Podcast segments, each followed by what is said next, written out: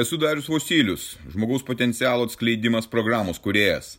Tai mano gyvenimo kelionės patirtis, kuri gali padėti tau atsikratyti ribojančių įstikinimų, nelaimingumo, priklausomybių ir pradėti gyventi aukščiausios kokybės gyvenimą. Registruokis pokalbiui dariusvosilius.lt ir pradėk šiandien savo pokyčius.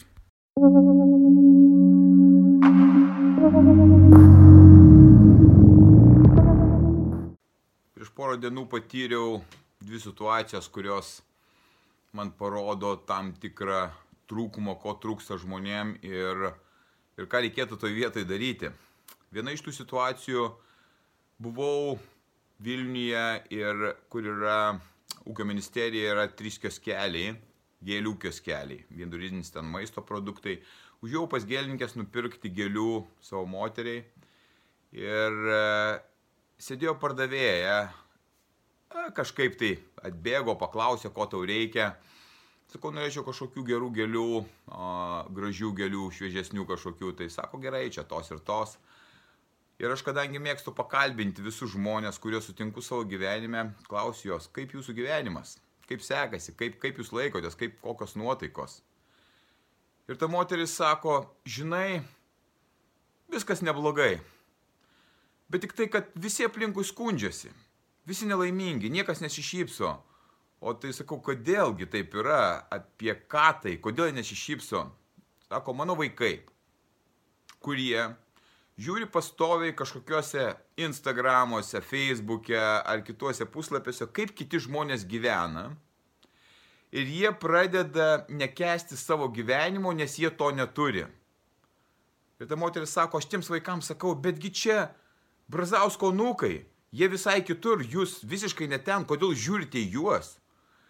Jiems tai nesvarbu, jie mato kažkokį tai pavyzdį, kas važinėja gražia mašina, turi gražų namą, e, rūbus kelionėse ir jie bando palyginti savo gyvenimą, nori gyventi tokį gyvenimą, jo neturi ir nusivilia tuo viskuo, ką jie turi.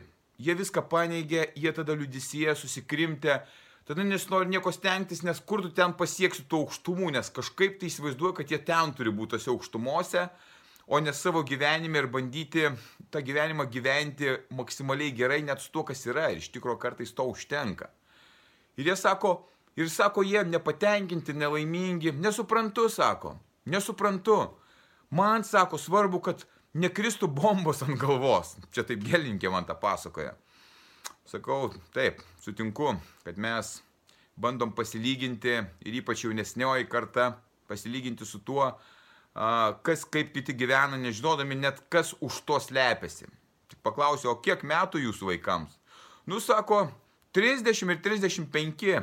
nu, vaikai tai jau nebe vaikai, tai reiškia, kad tas gyvenimas ir tokiam amžiuje jau panirsta į kažkokį liūdėsi tamsą ir nėra kaip ten jiems iš ten ištrūkti, nes jie nemato, kad kitokių dalykų yra gyvenime. Gerai, išėjau, ta diena baigėsi. Kitą dieną aš jau į parduotuvę, paprastą parduotuvę Vilniuje ir prie kasų pirkau kažką labai paprasto. Ir aš pakalbinu net ir tas kasininkės, nusišypsau ir pasakau kažkokį tai, a, kažkokį paprastą juoką. Ir ta moteris sako, ačiū Dievui, kad yra pozityviai nusiteikusių linksmų žmonių. Nes sako, aš beveik, beveik jų nematau. Kur jie yra, vis, visi, visi suniurė, sugriuvę. O taip, sakau, bet man patinka, kad žmonės šipsotųsi, dėl to aš su jumis taip kalbu.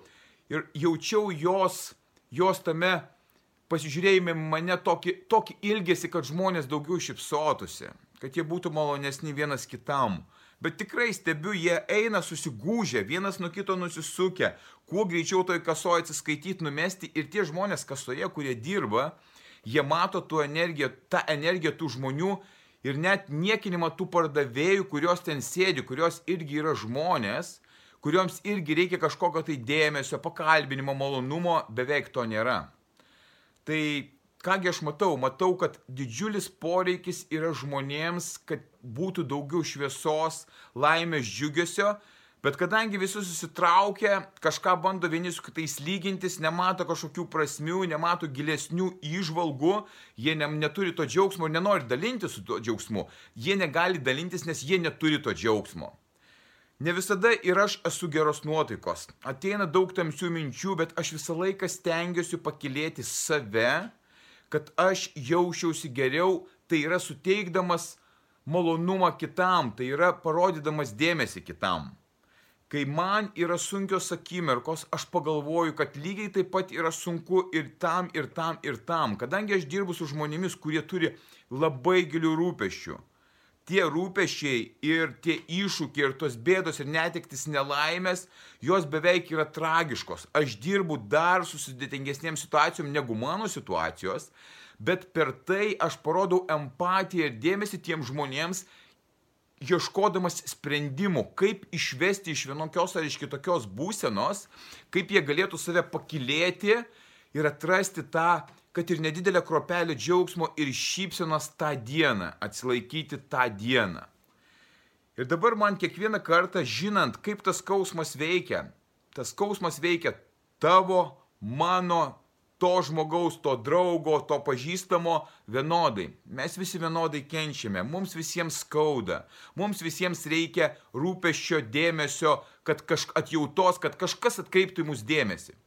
Ir aš tada padarau tuos skambučius žmonėms, kurie yra tiesiog mano pažįstami, mano bičiuliai ir žinau, kad jie eina per sunkų laikotarpį, nors nėra jie mano mokiniai, bet aš tiesiog imu ir paskambinu ir paklausiu, kaipgi tau sekasi, kaip tu laikaisi, kaip, kaip vis dėlto.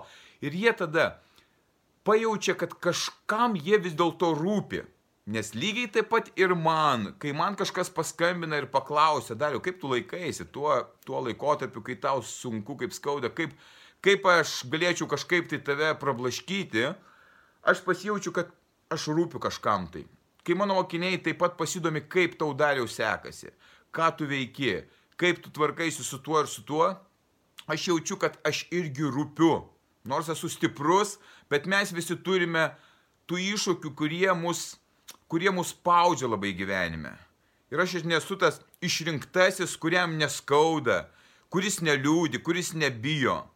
Man eina visi tie patys procesai, tik tai, kad aš ne, neinu į savinaiką, neinu į alkoholį, ne, neinu į narkotikus, neinu į kažkokią beprasmybę ar į kažkokius santykius greitaigius. Todėl, kad aš žinau, kad ten jau yra griūtis, kur, iš kurios aš neištrūksiu, iš kurios aš į tamsą dar didesnė būsiu nutemtas. Todėl aš turiu būti tame skausme ir susitvarkyti pats su tuo, žinodamas, ką turiu daryti, bet skausmas to to nemažesnis, tiesiog turi išgyventi ir išbūti. Neglušinu to nei vaistais, niekuo, tiesiog turiu procedūras, kurios man pra, padeda eiti. Taip reikia labai dažnai prisiversti. Ir man ir kiekvieną rytą atsikėlus aš turiu save užkurti, kad ta diena būtų, būtų gera.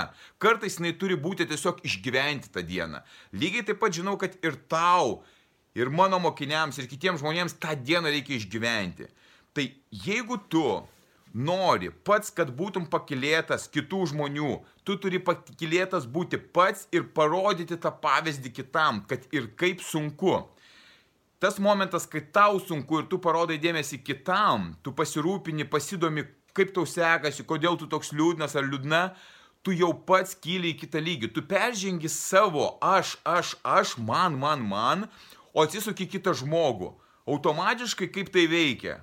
Tau pasidaro lengviau, nes tu tą dėmesį atiduodi kitam, kuriam galbūt dar labiau reikia. Tavo, tavo dėmesio pasikalbėjimo, gal ta, gal ta akimirka tiesiog gali išgelbėti jo gyvybę.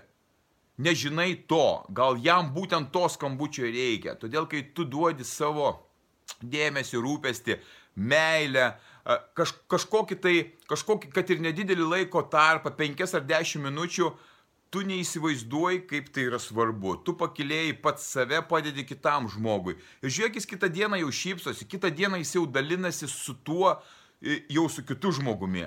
Ir ta grandinė sukasi. Jeigu mes esame tame liūdėsie, užsispaudę, susirūpinę ir tai mano tik tai problema, ten ir būni. Bet jeigu tu atsisuki ir kitur ir pamatai kenčiančius kitus žmonės, pamatai, kad tu gali duoti vis dėlto kažkiek turi resursų duoti tos šviesos, viskas keičiasi.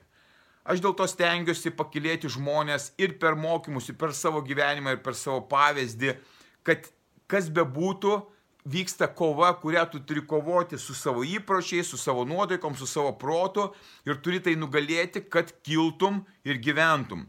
kad neatsidurtum tam liudesyje ir toje kančioje. Bet aplinkui darosi šviesiau. Ir man, kalbėjom šiandien su dukra, jinai išvykus į Japoniją, jinai gyvena ten, jinai atskirta nuo šeimos, nuo kitų žmonių, bet jinai tokį pasirinkimą padarė, bet jinai mato manyje jau dabar, po ilgesnio laiko, pavyzdį žmogaus, į kurį gali atsiremti, žinodama, kad tėvas eina per visus gyvenimo sunkumus, jinai žino, per ką aš einu nuo jaunystės ir mato, kad aš nepasiduodu. Ir su šypsena veide einu ir padedu kitiems ir savo.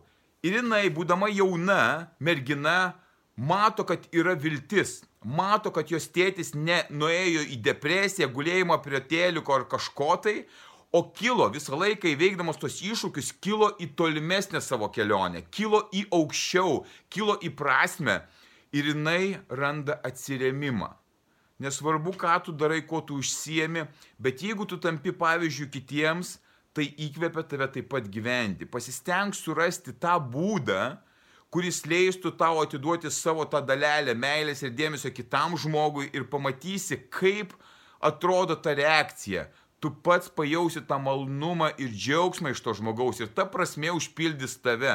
Ir ta visa likusi beprasmybė, tavo kančia, jinai pasidaro kaip rūkas, jos beveik nelieka, nes tu jauti, kad padarai kažką tai ypatingo. Ieškok to ypatingumo ir tai bus tavo stiprybė. Būk stiprus.